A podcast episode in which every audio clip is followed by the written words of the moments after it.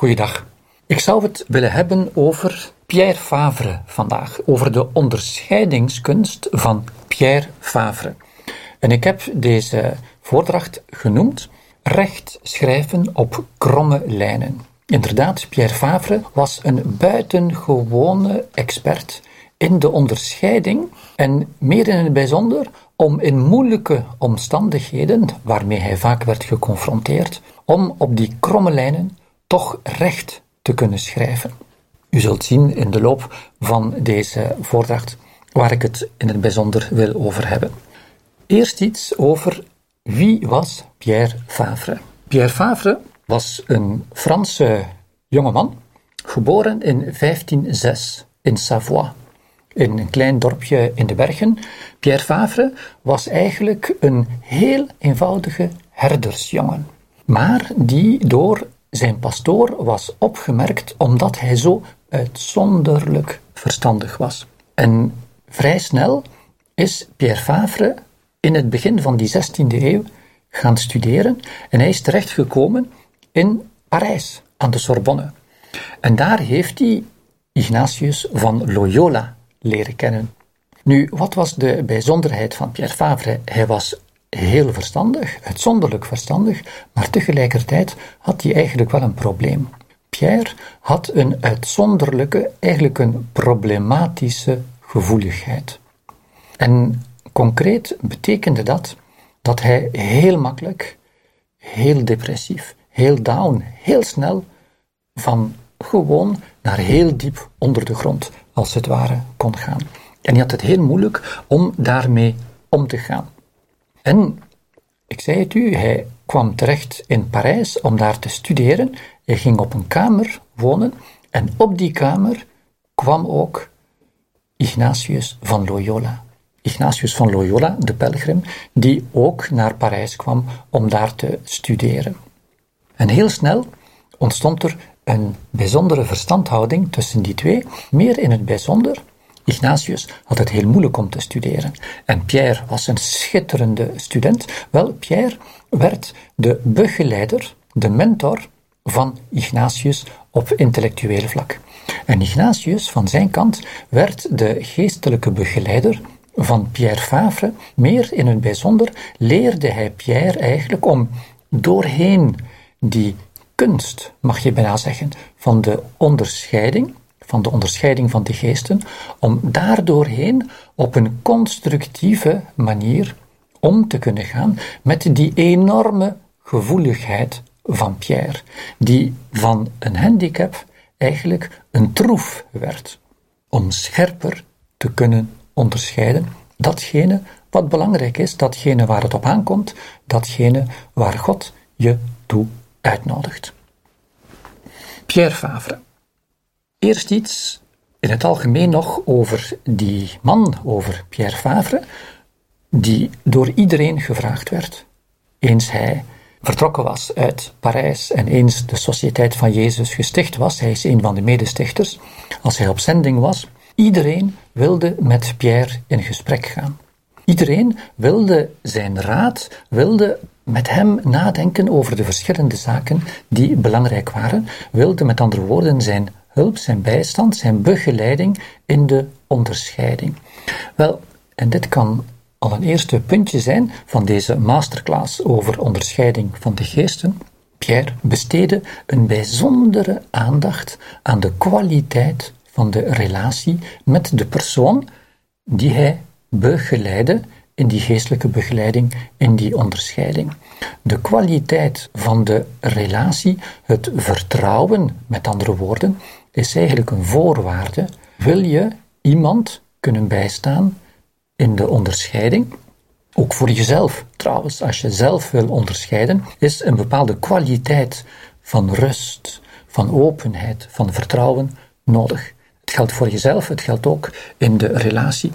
En het is bijzonder om even een getuige aan het woord te laten. Simon Rodriguez was ook een van de medestichters van de Sociëteit van Jezus, een Portugees. En ik lees u even voor wat Simon Rodriguez vertelt over Pierre Favre. In zijn omgang met andere mensen was er iets van een bijzonder zeldzame zachtheid en charme, waarvan ik moet bekennen dat ik ze tot op vandaag bij niemand anders heb ontmoet. Op de een of de andere manier slaagde hij erin om zo de vriendschap van andere mensen te winnen en ongemerkt geleidelijk hun ziel binnen te komen, dat hij hen door zijn hele manier van zijn en door de vriendelijkheid van zijn woorden onweerstaanbaar voerde tot liefde voor God. Die sfeer van openheid, van vertrouwen, van respect, van liefde als ondergrond, als humus waarop de onderscheiding het best kan plaatsvinden. Ik zal nu verschillende bijzonderheden uh, noemen van de wijze waarop Pierre Favre onderscheidde. Pierre Favre, dat vermeld ik nog even, waarvan Ignatius van Loyola zelf zegt dat van al die Jezuïeten die hij kende, Pierre diegene was die het meest verfijnd was in de kunst van de onderscheiding van de geesten. We kunnen dus ongetwijfeld heel veel van die man leren. Een eerste aandachtspunt dat we terugvinden als rode draad doorheen de onderscheidingskunst van Pierre Favre is het belang dat hij hecht aan de heel concrete ervaring. We weten het, de taal die God spreekt vandaag is die van de ervaring van de mens. Wel, het valt op dat Pierre bij het luisteren naar mensen, bij het luisteren naar zichzelf, want uiteraard was hij in de eerste plaats een ervaringsexpert in het onderscheiden in zijn eigen leven, werken met de ervaring zoals ze is. Aandacht geven, zou je kunnen zeggen, voor de eigen kleur, voor de eigen geur, voor de context van datgene wat er gebeurt. Het is niet de ervaring zoals we zouden willen hebben dat ze zou moeten zijn. Het is niet de ervaring uit de boekjes, nee, het is jouw concrete ervaring. Daarin en enkel daarin kan de onderscheiding gebeuren. Elke ervaring is uniek. En het is belangrijk om die uniciteit op het spoor te komen en vervolgens ook ernstig te nemen. Een tweede rode draad die je ziet bij Pierre Favre in zijn onderscheidingspraktijk is niet alleen dat hij dus vertrekt van die, ik zou maar zeggen, naakte ervaring, de ervaring, de uniciteit van de ervaring zoals zij is, maar dat hij daarbij zowel heel actief, heel aandachtig, heel luisterend, heel geconcentreerd te werk gaat, heel actief, maar tegelijkertijd heel passief is. Wat bedoel ik met die passiviteit? Hij laat als het ware de onderscheiding in zijn hart gebeuren. De gevoelsmatige dimensie van de onderscheiding, de werking van de geesten, de werking van de geest van God, in het bijzonder de goede geest, laat hij in de eerste plaats gebeuren. Het is heel actief. Onderscheiding vraagt een hele grote concentratie, maar vraagt tegelijkertijd een voortdurende aandacht voor datgene wat er zich afspeelt in het hart datgene wat gebeurt. De wijze waarop God zich rechtstreeks, onrechtstreeks kenbaar maakt in je ervaring. Vandaar zou je kunnen zeggen dat de onderscheiding, en zeker de wijze waarop Pierre Favre ze doet, maar die door Ignatius als voorbeeld wordt gesteld, dat die heel inductief is, intuïtief. Het gaat er niet over in de eerste plaats om de regel toe te passen op jou, op deze concrete situatie, op die bijzondere ervaring. Nee, het gaat erover om te vertrekken, inductief, van de ervaring zelf, het gebeuren zelf. En vervolgens te zien hoe daarin, in die bijzonderheid van de ervaring, en in het bijzonder in de gevoelsmatige dimensie van de ervaring, hoe God daarin spreekt doorheen vreugde, droefheid, troost, troosteloosheid. We kennen die eh, termen. Denk aan die fameuze uitspraak van Ignatius, die hij doet bij het begin van de geestelijke oefeningen, niet het vele weten verzadigt en voldoet de ziel, wel het innerlijk voelen en smaken. Passiviteit, inductief, intuïtief, het innerlijk voelen en smaken. Daarmee aan de slag Oké, we gaan verder. Wie vertrouwd is met de onderscheiding van de geesten, kent dit volgende aspect reeds dat ik nu nog even wil benoemen. Het is de vreugde die dient als kompas van de onderscheiding. En dat vinden we in het dagboek van Pierre Favre. Dat is het enige geschrift dat overgebleven is van Pierre Favre, die maar amper 40 jaar oud geworden is. In zijn dagboek zien we tal van hele concrete, ik zou bijna zeggen banale ervaringen, waarin hij systematisch opnieuw, of toont elke keer opnieuw, toont hoe hij in zijn terugblik, in zijn biddende terugblik, in zijn onderscheidende terugblik, voortdurend op zoek gaat naar de spoortjes van die vreugde. De vreugde als kompas van de onderscheiding, kompas voor de onderscheiding, kompas dat de richting aanwijst waarin God ons uitnodigt te gaan. Optimistische mensvisie. De mens is gemaakt voor de vreugde. Een vreugdevol leven, wat iets anders betekent dan joepie joepie, het is allemaal plezant. Nee, daar gaat het niet over, maar in de diepere lagen van je, van je hart, van je wezen, van je bewustzijn, de rust, een gedragenheid, een vertrouwen.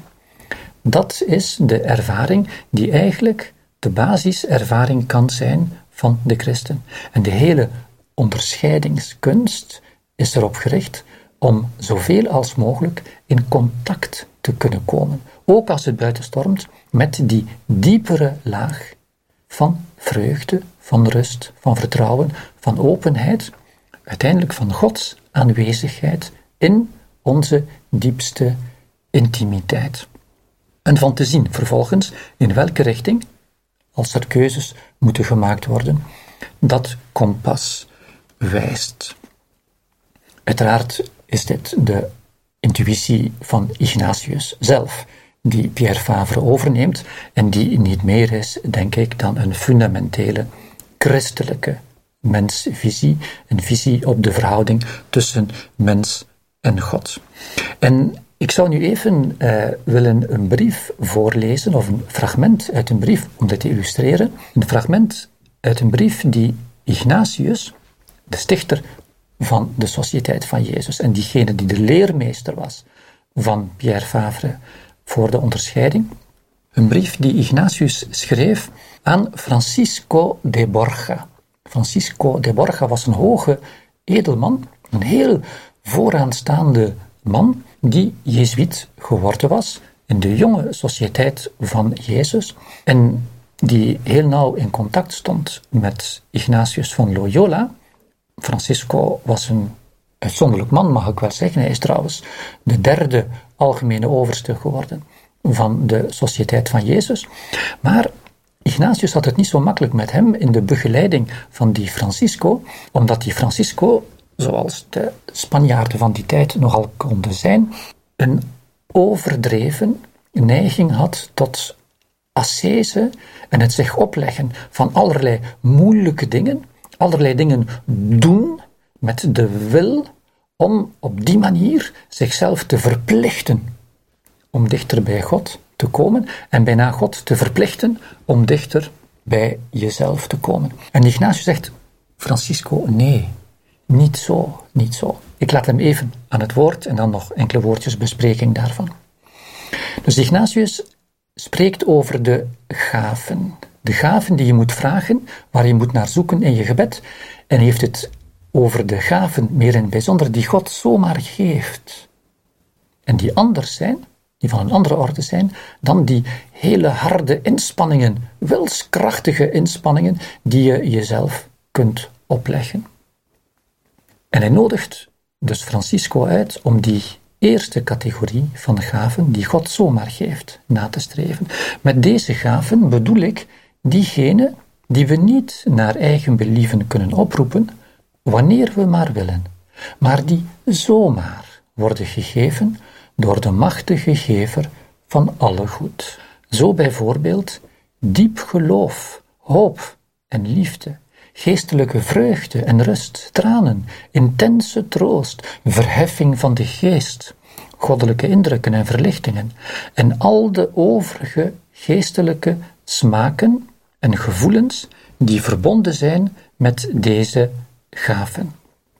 Ik bedoel niet dat we deze gaven, dus even over die vreugde, moeten zoeken enkel en alleen voor ons eigen plezier en voldoening, maar vanuit de diepe overtuiging dat zonder hen al onze gedachten, woorden en daden verward, koud en geërgerd zijn. Zo kunnen zij warm worden, helder en oprecht voor de grotere dienst van God. God verlangt ons, met andere woorden, zijn vreugde te geven. En die wordt ons zomaar gegeven. En waarom is het zo belangrijk om in die vreugde terecht te komen? In die normaliteit van de vreugde, zo leren we van Ignatius in die brief aan Francisco de Borja, omdat eigenlijk die verbondenheid met God, die openheid op God, die dus alles te maken heeft met die ervaring van vreugde, van vertrouwen, van rust, van openheid enzovoort, dat die eigenlijk de voorwaarde is om ook naar anderen toe iets te kunnen betekenen, iets te kunnen delen van het evangelie. Je kan het evangelie niet aan de man brengen, als ik het zo mag zeggen, met een zuur gezicht. Je kan mensen maar uitnodigen tot leven, tot vreugdevol leven, als je zelf leeft. Als je zelf leeft vanuit die vreugde, vanuit dat vertrouwen, vanuit die overdaad. En de kunst, of de, de uitdaging, zegt Ignatius, is om je open te stellen, om die te ontvangen van God, die niet anders vraagt dan ze jou te kunnen geven. Alleen, en dat is een uh, tweede aspect daarvan, van het belang van die vreugde, die vreugde, dat vertrouwen, die rust, Ignatius spreekt soms van troost, die wordt vaak op een andere wijze, op een andere plaats, op een ander ogenblik aan ons gegeven dan we het zouden verwachten. Met andere woorden, er is openheid nodig. Er is een innerlijke vrijheid nodig in de eigen ziel, in de eigen geest. Er is vertrouwen nodig om te kunnen zien waar God net ons wil toe uitnodigen. En dat kan verschillend zijn van die fantastische plannen die we zelf gemaakt hadden. Ignatius noemt het soms, en het woord ligt een beetje moeilijk vandaag, maar ik gebruik het toch maar even, de onverschilligheid. Onverschilligheid niet in de zin van apathie, maar wel van die openheid en die innerlijke vrijheid. De vreugde op het spoor komen, de rust, de openheid, de richtingaanwijzers die daar zijn in mijn diepere ervaring, maar die een andere richting kunnen uitwijzen dan datgene wat ik verwacht had. Ben ik bereid om, met andere woorden, de onderscheiding in te gaan met een open hart en niet van tevoren alles zelf in te vullen. Het is maar als ik echt bereid ben om mij te laten verbazen, om mij te laten verwonderen, als ik met openheid kan gaan luisteren, dat ik des te sterker, des te fijner zal kunnen horen de richting, datgene waar God mij toe uitnodigt, waartoe dat kompas van die vreugde, of de richting waarin dat kompas van de vreugde wijst. Dat is het algemene kader. Nu gaan we wat uh, inzoomen op de eigenlijke onderscheidingspraktijk van Pierre Favre. En het eerste deel daarvan zou ik noemen rechtschrijven op kromme lijnen. Dat is een rode draad die we terugvinden in dat fameuze dagboek, het Memoriale van Pierre Favre. Ik zei het reeds in het begin, Pierre Favre was iemand die hypergevoelig was, eigenlijk problematisch gevoelig. En in zijn dagboek beschrijft hij voortdurend casussen, hele concrete ervaringen die hij meemaakt in zijn dagdagelijks bezig zijn als Jezuïet. En waarin hij, waarin hij iets ervaart van, van weerstand, van ongeluk, van vervelende dingen, waardoor hij heel snel naar beneden gaat. En heel droef en, en leeg en ontmoedigd enzovoort. Maar hij, hij kent zichzelf en eh, keer op keer gaat hij die ervaring van droefheid, ergernis, woede, gaat hij zich daarvan bewust worden en zeggen: Hola, opgelet. Nee, dit is niet de bedoeling. En meteen gaat hij terugblikken. En hij beschrijft in zijn dagboek hoe hij meteen op het moment zelf, tijdens de ervaring nog, gaat terugblikken om te zien: hé, hey, wat gebeurt hier? Hoe komt het dat ik zo naar beneden ga? En heel vaak komt hij er dan op uit door stroomopwaarts te gaan, van de droefheid proberen terug te gaan naar het moment waar die droefheid omgeslagen, waar de vreugde liever of de rust omgeslagen is in droefheid, gaat hij preciezer zien wat er nu net gebeurd is. En op die manier kan die ervaring van droefheid een springplank worden naar meer vreugde. Want heel vaak gaat hij dan merken dat die omslag, die plots opkomende droefheid of boosheid of ergernis, wat het ook is, dat hij vaak iets zegt over zijn eigen manier van omgaan met de dingen van het leven. En komt hij heel snel tot het inzicht dat hij net zo goed daar anders mee zou kunnen omgaan en wel op zo'n manier dat hij vrijer, opener en bijgevolg vreugdevoller, meer levend met die zaken kan omgaan. Het gaat elke keer opnieuw over die innerlijke vrijheid. Ben ik bereid? Ben ik in staat om echt te luisteren? Om ook mijn eigen ervaring onder de loepen te nemen en om te zien wat ik eventueel in mijn gewoontes, in mijn normale, tussen aanhalingstekens, manier van handelen, om daar iets mee te doen. Ik stel voor dat we een heel concreet voorbeeld gaan beluisteren dat Pierre beschrijft in zijn dagboek, in zijn memorialen. Ik zal het eerst uh, met u voorlezen en vervolgens gaan we er wat over reflecteren. Het gaat over een heel banaal gebeuren, namelijk een jongeman uh, die een afspraak heeft gemaakt met hem om te biechten en die niet komt en die hem laat wachten Een andere keer was ik, de Pierre die aan het woord is, een andere keer was ik aan het wachten op een jongeman die beloofd had dat hij zou komen biechten. Hij had reeds tweemaal zijn woord gebroken. Ik voelde een zekere bitterheid, omdat ik daardoor zes uur verloren had. Toen kreeg ik grote steun van de Heer, tot wiens eer ik daar was. Dit was de betekenis ervan. Je bent gewoon om voor de dienst van God lange uren te wachten aan de deur van hoge heren en van prinsen. En je doet dat zonder je te vervelen, omdat je weet dat je zal beloond worden. Waarom zou je dan meer verveeld zijn als iemand anders, een van de kleinen van Christus, je doet wachten? Zou God je minder loon geven voor de een als voor de ander. En jij, die zo dikwijls Jezus laat wachten aan de deur, toch wil je dat Hij het nooit moe wordt.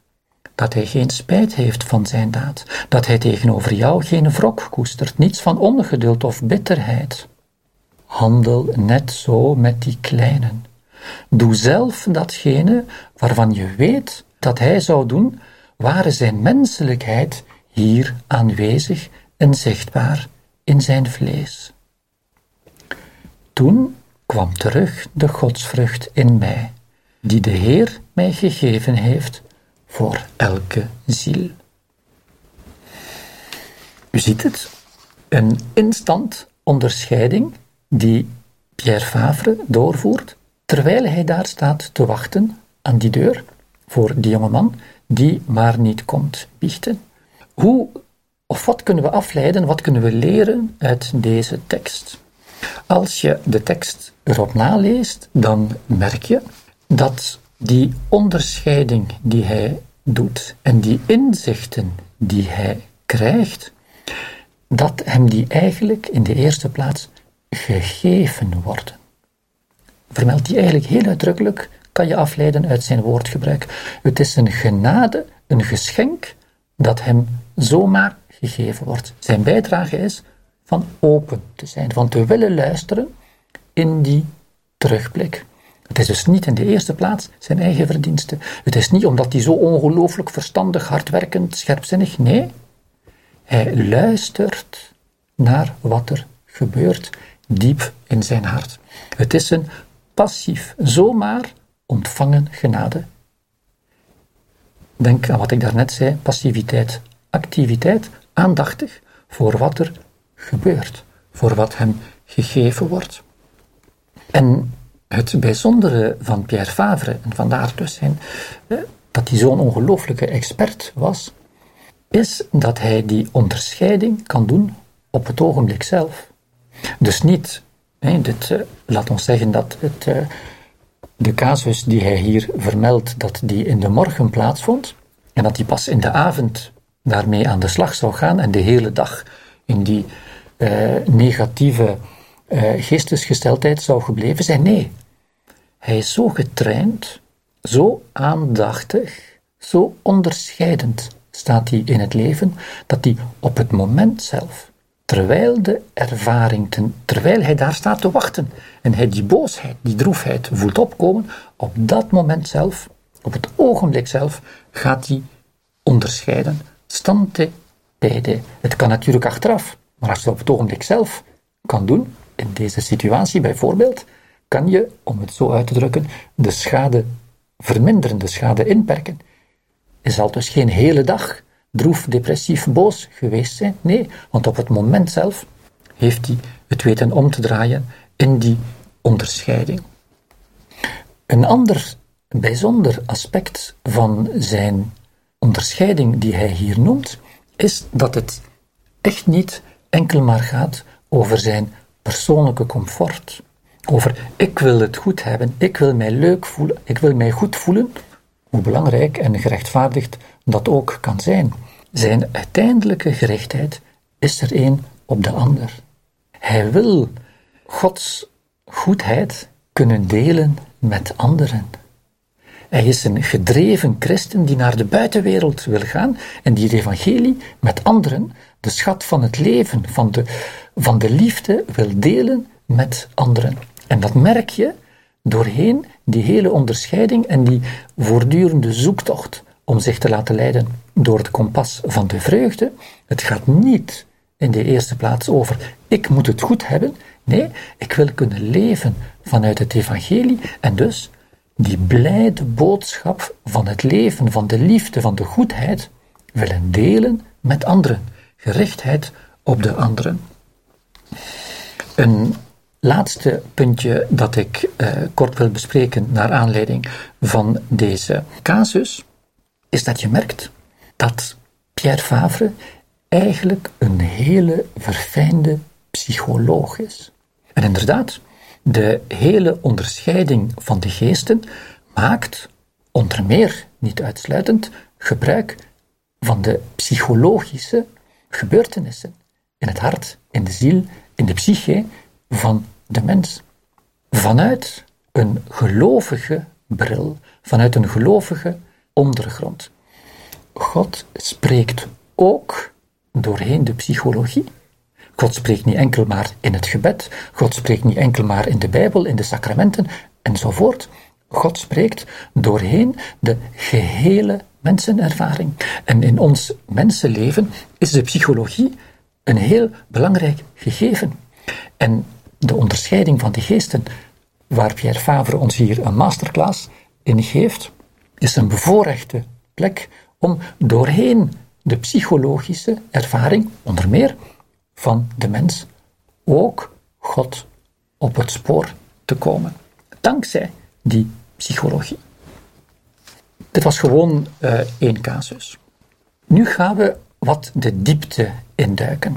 En gaan we de subtiliteit van de onderscheidingskunst van Pierre Favre gaan verkennen. We gaan als het ware met Google nu geavanceerd zoeken, steeds met dat kompas van de vreugde, om te zien hoe je die vreugde kan op het spoor komen en meer in het bijzonder hoe je er kan achterkomen dat die vreugde wel degelijk van de goede geest van God komt. Want zoals niet alle droefheid van de boze geest komt, sommige droefheid kan van de goede geest komen. Bijvoorbeeld berouw is eigenlijk iets positiefs.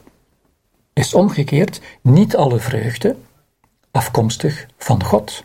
Sommige vreugde, sommig plezier kan een valstrik zijn om ons net weg te trekken van God. En hier gaat Pierre Favre heel subtiel, steeds volledig in dialoog met Ignatius en in het voetspoor van Ignatius van Loyola, schrijft hij in zijn memorialen daar heel interessante gedachten over. Daar gaan we ons nu wat op concentreren. En we gaan twee teksten lezen van Pierre Favre, een kortere en vervolgens een langere, die we dan in de diepte ook gaan bespreken. Op een dag ging ik meester Pieter van Gelderen bezoeken, die een retraite deed volgens de geestelijke oefeningen.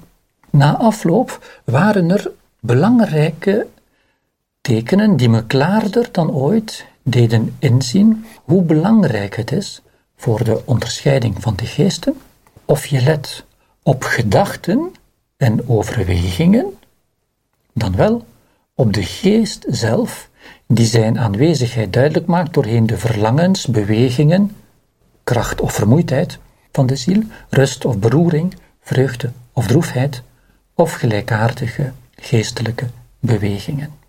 Je kan makkelijker komen tot klaarheid over de ziel en diens gasten doorheen de geesten dan via de gedachten op zich. Waar gaat het hier over? We zien, hij maakt onderscheid, Pierre Favre, tussen gedachten en overwegingen, woorden noemt hij het ook. Dat is meer de intellectuele dimensie, ideeën, inzichten, voornemens aan de ene kant. En aan de andere kant de geest, geesten. Die gemoedsgesteldheid, waarvan de vreugde zo belangrijk is, maar die ook het tegenovergestelde kan zijn droefheid, ergernis, boosheid enzovoort. En eigenlijk zegt hij hier dat beide hebben hun betekenis, uiteraard. De affectieve ervaring, de gevoelservaring en de intellectuele ervaring, maar zegt hij, eigenlijk is het makkelijker om God te vinden doorheen de gevoelsmatige ervaring. De onderscheiding op dat niveau is eigenlijk, zegt hij, makkelijker, helderder, terwijl als je wil gaan onderscheiden op het niveau van die woorden, van die, van die gedachten, dat is een stuk moeilijker. Laat ons wat meer nabij gaan bekijken wat hij daarmee bedoelt. Een korte bespreking hiervan en dan gaan we die grotere tekst van Pierre Favre bestuderen. Eigenlijk zegt hij: het hart authentificeert zichzelf. Concreet vreugde, vreugde, een ervaring van vreugde, een ervaring die ook na afloop rust, vertrouwen, openheid, blijheid als nasmaak biedt, is een betrouwbare ervaring. Daar is eigenlijk niet zoveel discussie over. We hebben het hier uiteraard over mensen. Pierre Favre heeft het over mensen die een ernstig leven leiden. Mensen wiens leven gevoed wordt door het evangelie, wiens hart gevormd is, wiens hart getraind is en voortdurend geoefend wordt en verrijkt wordt door de persoon van Jezus Christus, een hart dat verbonden is met God. Wel, de vreugde de duurzame vreugde, die is een betrouwbare aanwijzing. Terwijl omgekeerd de droefheid, ergernis, boosheid enzovoort, die blijft duren. Een ervaring die misschien op het ogenblik leuk is, aangenaam, maar die eindigt in bitterheid, die onaangenaam nasmaakt, is een ervaring waar je moet mee opletten, die bijna steeds te maken heeft met de boze geest. Het is te zeggen, die wegtrekt van het leven waar God ons toe uitnodigt. Eigenlijk zegt hij, het hart is tamelijk eenvoudig. Daar zijn de regels tamelijk helder voor. Terwijl het denken, de gedachten die opkomen, die zijn een stuk complexer. Want die gedachten, anders gezegd, vragen vaak bijkomend onderzoek. En daar gaan we nu op ingaan in die tweede, langere tekst van Pierre Favre. Een tekst die behoorlijk opgebouwd is. Hij is wat langer ook, het zijn vier uh, stukjes. Ik ga die tekst eerst met u helemaal voorlezen en vervolgens gaan we in die tekst duiken en de verschillende onderscheiden die Pierre Favre maakt bespreken. Dezelfde dag, na de mis, dacht ik na over de verscheidenheid van de geesten. Ik werd gewaar dat men in geen geval mag instemmen met de woorden van de geest voor wie nooit iets mogelijk is en die steeds maar moeilijkheden aanreikt. Je moet veel eer instemmen met de woorden en de indrukken van diegene die mogelijkheden ontdekt en die bemoedigt. Maar opgelet, je moet onderscheiden om te vermijden dat het goede vertrouwen zich vermengt met illusies die voortkomen uit de overvloed, of dat de vrees niet gepaard gaat met een vermoeidheid die voortkomt uit de schaarste. Indien het echter niet mogelijk is om te vermijden al te zeer naar de ene kant dan wel naar de andere af te wijken, dan is het zekerder en minder gevaarlijk om verder te gaan in het vertrouwen, zoals in de tijd van de overvloed, eerder dan zich te laten leiden door die droefheid, die duizend vergissingen en duizend misleidingen voortbrengt en die aan de oorsprong ligt van zoveel zuurheid en verwikkelingen. De geest van optimisme moet goed onthaald worden, in stand gehouden worden en indien hij verloren gaat, terug opgezocht worden. Die vreugde, kracht en sereniteit en die andere gemoedsgesteldheden die voortkomen uit een goede inwendige gezindheid ze dienen zelf opnieuw voor de geest gehaald te worden, zodat ze meer en meer een stuk van onszelf worden. Maar al de ermee gepaard gaande woorden die in gedachten bij ons opkomen, moeten niet op dezelfde wijze onthaald worden. Immers, het kan zijn sommige hiervan vals zijn. De kwade geest kan zichzelf aankleden als de engel van het licht. Met de boze geest en diens woorden moeten we op de omgekeerde wijze te werk gaan. De kwade geest en elke gemoedsgesteldheid die door hem wordt ingegeven, moeten uitgedreven en weggejaagd worden. Maar dit geldt niet voor al zijn woorden want je kan er vele van gebruiken als waarschuwingen en voorzichtiger worden in menselijke aangelegenheden. Immers, veel van deze woorden zijn waarachtig en bruikbaar, indien je ze, althans, achteraf gaat begrijpen in het licht van de andere geest. Een heel dense tekst waarin Pierre Favre heel veel zegt ik stel voor dat we dit nu stapje voor stapje gaan bespreken. Hij heeft het dus over de betrouwbaarheid van de gevoelens, de gemoedsgesteldheid, wat je daarmee kan doen, diegene die ingegeven wordt door de goede geest, door de boze geest, de geest van optimisme, de geest van wantrouwen aan de ene kant, en aan de andere kant over de betrouwbaarheid van de gedachten, de woorden, de inzichten die opkomen in het voetspoor van die goede geest en van die boze geest. Het is een masterclass, het is tamelijk subtiel en genuanceerd. We gaan over naar de analyse. We beginnen dus met het niveau van de geest, de goede geest, de boze geest. dus het hart, de gevoelens, het gemoed.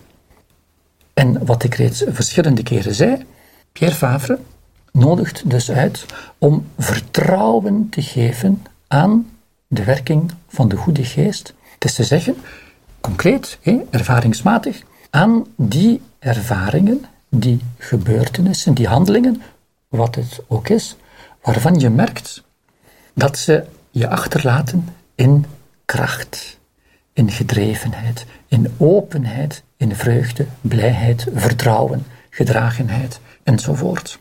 Daar kan je op bouwen. Het is goed om naar die ervaringen terug te gaan. Ook in gedachten, om je terug te voeden aan datgene wat daar gebeurd is. Iets wat een blijvende, goede nasmaak laat, ook achteraf. S'avonds, een week, zes maanden, een jaar, tien jaar later, als die nasmaak goed is, is de kans heel groot, bijna altijd, dit komt van de goede geest. Ga er naar terug. Laat je erdoor verrijken. Laat je erdoor inspireren. Ik geef een voorbeeld. Het leven is niet zo gemakkelijk geweest voor jou. En je bent eigenlijk eerder een wantrouwig iemand geworden. Je hebt allerlei moeilijke dingen meegemaakt uh, enzovoort. de mensen zijn slecht, dat is voor jou duidelijk. En dat maakt dat je relaties met je kinderen ook wat zijn verzuurd, ook wat moeilijk zijn geworden. En bijzonder met je dochter, elke keer als jullie elkaar ontmoeten is het prijs. Zijn er conflicten, moeilijke woorden en eigenlijk ontmoeten jullie elkaar niet vaak meer.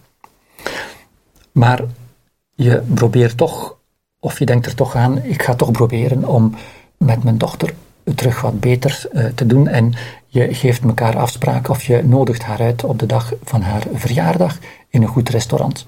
En jullie gaan samen lekker eten.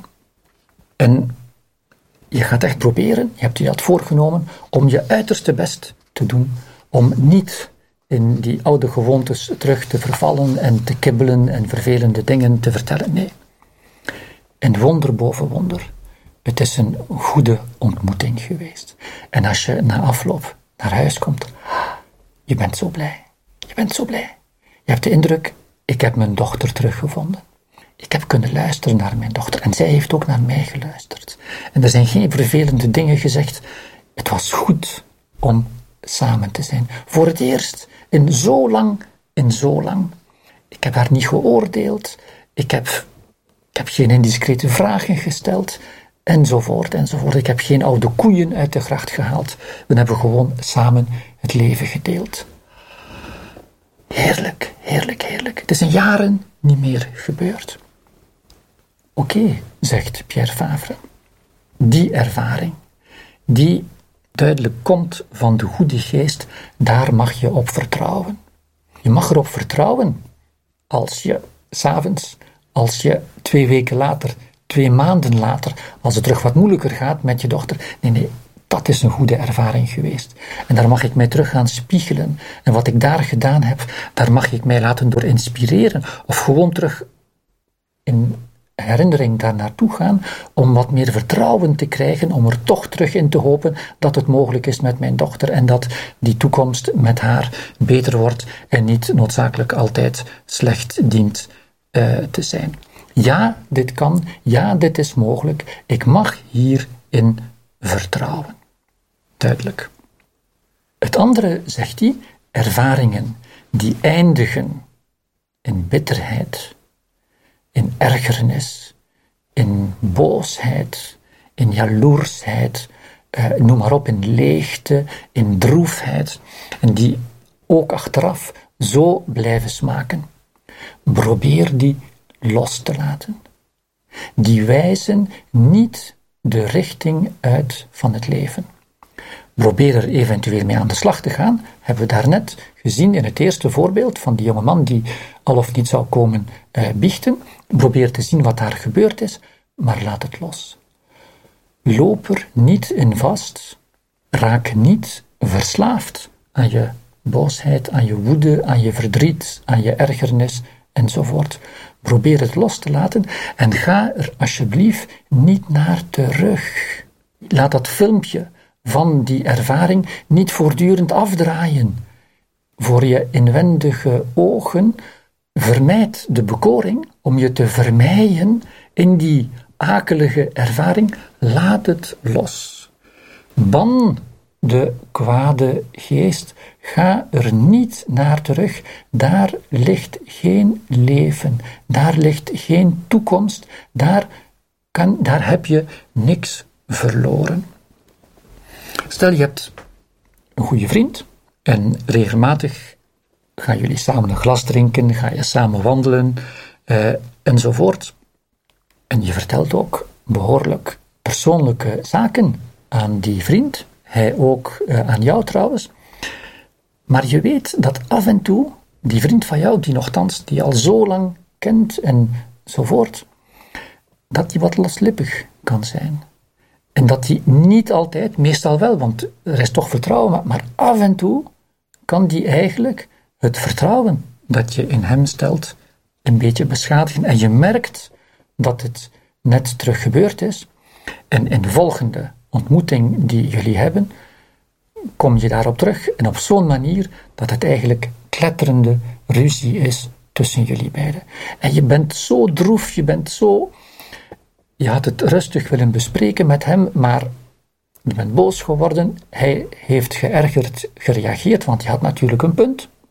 En je bent zo droef, want die persoon is echt belangrijk in jouw leven. En als je thuis komt, droef, bitter, eh, bijna leeg. Eh, ik heb mij allemaal negatieve gevoelens. De kwade geest bannen. Het kan zeker zinvol zijn om te analyseren wat er gebeurd is. Het kan zeker zinvol zijn om te achterhalen wat bijvoorbeeld in jullie ontmoeting, in de zaken die je gezegd hebt, wat gemaakt heeft dat het geëscaleerd uh, is enzovoort. Uh, de wijze waarop je dat spanningsveld hebt, hebt aangepakt. Maar probeer dan die ervaring los te laten.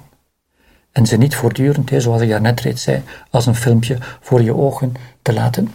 Laat het los. Ga over naar het volgende. Misschien kan je achteraf, en daar kom ik straks op uh, terug, daar nog wel iets mee doen. Maar de ervaring op zich van die negativiteit, van die leegte, van die boosheid, van die droefheid enzovoort, laat ze los. Zozeer als de eerste ervaring die ik noemde, dat het zinvol kan zijn om daar terug naar te gaan, om je daaraan te voeden. Hier is het helemaal het tegenovergestelde. Laat het los. Duidelijke raad. Het hart is duidelijk. Daarnet zeiden we, het authentificeert zichzelf. De goede geest vertrouwen geven. De kwade geest bannen, loslaten. Maar, en nu komen we naar het tweede deel, dat een stuk ingewikkelder, een stuk subtieler is, opgelet met de woorden de gedachten, de inzichten, de ideeën die opkomen in de nasleep van die hele goede of die negatieve, die heel onaangename ervaringen. Want daar is het veel ingewikkelder en kan het een stuk complexer zijn. Daar is inderdaad onderscheiding nodig om te zien of de woorden, die ideeën, of die nu komen van de goede geest dan wel van de boze geest. Die authentificeren zichzelf niet automatisch. Je moet ze veel preciezer gaan onderzoeken. Want, zo zegt Pierre Favre, de goede geest kan verkeerde inzichten aanreiken. Preciezer naar aanleiding van iets wat gebeurt. Doorheen de goede geest, denk aan de ontmoeting van, eh, met je dochter, met wie het zo moeilijk eh, lange tijd geweest is, de boze geest kan daar gebruik van maken, van die ervaring, om je ideeën in te blazen, in te fluisteren, die eigenlijk niet goed zijn. Stel, je bent met die dochter van jou samen gaan eten voor haar verjaardag. Het was zo goed. Het was, en ook achteraf, hè, hebben we het er reeds over gehad. En ik kom thuis en ik, ben, ik gloei nog na van die heerlijke ervaring. En nu heb ik het toch wel gevonden. Eigenlijk moet ik voortaan. Ik heb zo'n achterstand opgelopen met mijn dochter, zoveel jaren dat wij niet hebben kunnen uitwisselen, zoveel verloren jaren. Ik moet haar voortaan twee keer per week uitnodigen. Twee keer per week gaan wij op restaurant gaan of gaan wij samen wandelen, uh, weet ik veel. Gaan we lang telefoneren om al die schade in te halen. Ik ga nu dubbel en dik met haar in contact treden, praten, uitwisselen, discussiëren enzovoort. Een idee die voort lijkt te komen en daar ook uit voortkomt, uit dat enthousiasme, maar die echt een valstrik kan zijn. Ik ga van het goede veel te veel doen. Want als ik inderdaad twee keer per week, nadat ik zoveel jaren het heel moeilijk heb gehad met haar, als ik nu twee keer per week heel dicht bij haar ga komen, is de kans heel reëel dat het verkeerd gaat aflopen. Pierre Favre zou zeggen: het is de boze geest die gebruik maakt van dat nagloeien van het hart, dat nog steeds een vreugde is, om op een geniepige wijze bepaalde gedachten aan te reiken die goed lijken, die zich aandienen als de komend van de goede engel, van de goede geest, maar die eigenlijk ingefluisterd zijn door de boze geest. Met andere woorden, hier moet je kritisch gaan nadenken en onderscheiden of die gedachten wel degelijk komen van de goede geest. Want de gedachten die ingefluisterd worden, naar aanleiding van zo'n heerlijke, betrouwbare, goede ervaring, kunnen goed, maar kunnen net zo goed verkeerd zijn of op het verkeerde pad leiden. Bijkomende onderscheiding is aangewezen, want de boze geest kan gebruik maken van dat nagloeien van het hart om je eigenlijk het verkeerde pad op te sturen. En in het andere geval is het net het tegenovergestelde. Het kan zijn dat je in een ervaring van troosteloosheid, denk aan die ruzie die je gehad hebt met je vriend, en die geen goede ruzie was, waar je werkelijk droef bent uh, geworden en achteraf uh, gezegd hebt voor jezelf, duidelijk gevoeld hebt, dit is niet goed, dit smaakt niet lekker, ik heb het niet goed aangepakt en je voelt je heel, heel klein en, en, en, en spijtig en, enzovoort en bitter. Maar het kan zijn dat er in die ervaring, in die ruzieervaring, toch bepaalde ideeën naar boven zijn gekomen die heel juist zijn. Die heel juist zijn. En waar je werkelijk iets mee kan doen. Dat is een wonder gegeven, maar in droefheid, in boosheid, kunnen werkelijk hele scherpe, juiste inzichten worden aangereikt. Dit kan je het Lucifer-principe noemen. Misschien een vreemd woord, ik leg het even uit. Lucifer heeft in het Nederlands twee betekenissen. Het is de naam van de duivel. Het is ook een strijkstokje waarmee je vuur kan maken. Lucifer, lux ferre. Lux betekent in het Latijn licht, ferre dragen. Het is een lichtdragertje, een lichtstokje. In het Oude Testament wordt de duivel, de boze, vaak Lucifer genoemd. De aandrager van het licht. Welk licht? Het licht van de waarheid. De duivel zegt heel vaak de waarheid. De duivel wordt ook in het Oude Testament en in het Nieuwe Testament de aanklager genoemd. Diegene die de fout, die de leugen aankaart. En heel terecht. De duivel zegt de waarheid. Maar in het Nieuwe Testament, diegene die de waarheid spreekt, ik ben de weg, de waarheid en het leven, is toch Jezus? Hoe kan dat nu? Is God zelf? God is toch de waarheid? Of leidt toch naar de waarheid? Hoe kan het dan dat de duivel ook iets heeft met die waarheid? Er is een groot verschil in de wijze waarop de duivel de waarheid noemt, hele juiste inzichten kan aanreiken en de wijze waarop de goede geest dat doet, waarop Jezus dat doet, waarop God ons wil leiden tot die waarheid. Jezus confronteert mensen ook met de waarheid, maar op zo'n manier dat de mens erdoor kan groeien.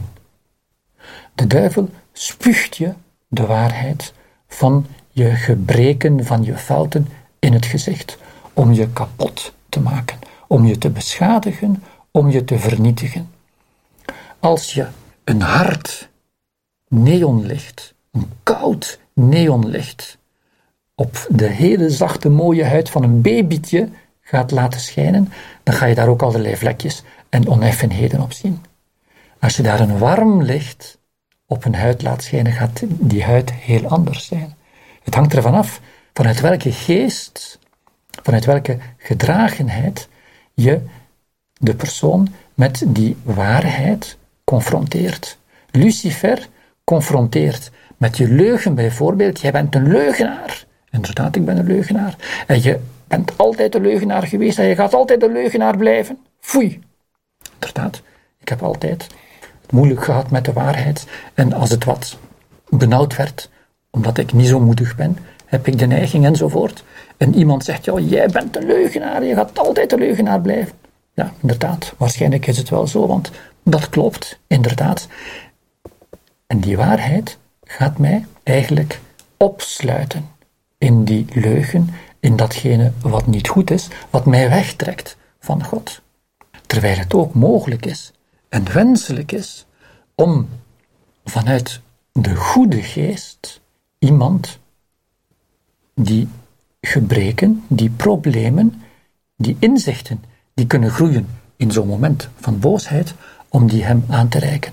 Dus misschien, ik had daar die ruzie met die vriend, omdat die vriend voor de zoveelste keer zijn tong had voorbij gepraat. En ik zag heel duidelijk op dat moment in die woede en daarna welke het probleem was van die vriend. Hij moet gewoon discreter zijn, hij moet zijn mond kunnen houden enzovoort. Het is, een, eh, het is iemand die roddelt of die veel te makkelijk eh, roddelt, terwijl het helemaal niet nodig is.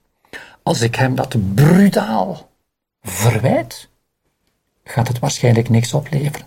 Maar als ik kan wachten tot als die boosheid overgaat, als ik kan wachten tot als ik terug in rust ben en eigenlijk terug met een positieve blik naar die vriend kan kijken, als vriend en niet als vijand, en als hij terug voelt dat ik het goede met hem voor heb, dan zal ik waarschijnlijk op een heel waardevolle wijze met hem daarover in gesprek kunnen gaan.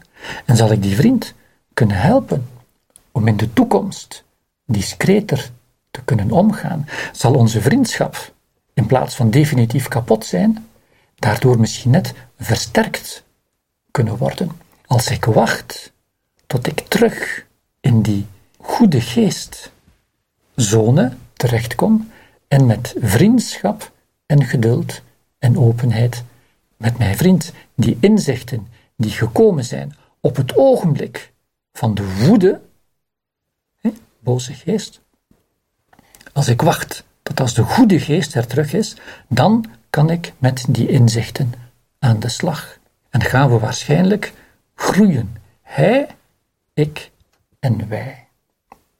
U ziet het, onderscheiden van de geesten is een behoorlijk complex gegeven.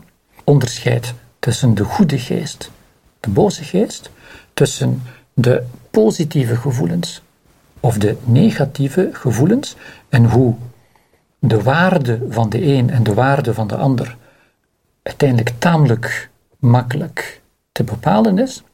En tegelijkertijd nodigt ons Pierre Favre ons uit om heel subtiel en aandachtig om te gaan met de inzichten die kunnen groeien in een ervaring van de goede geest of een ervaring van de boze geest. Omdat die inzichten heel subtiel kunnen zijn en zowel ten goede als ten kwade kunnen zijn, van de goede geest kunnen komen of van de boze geest.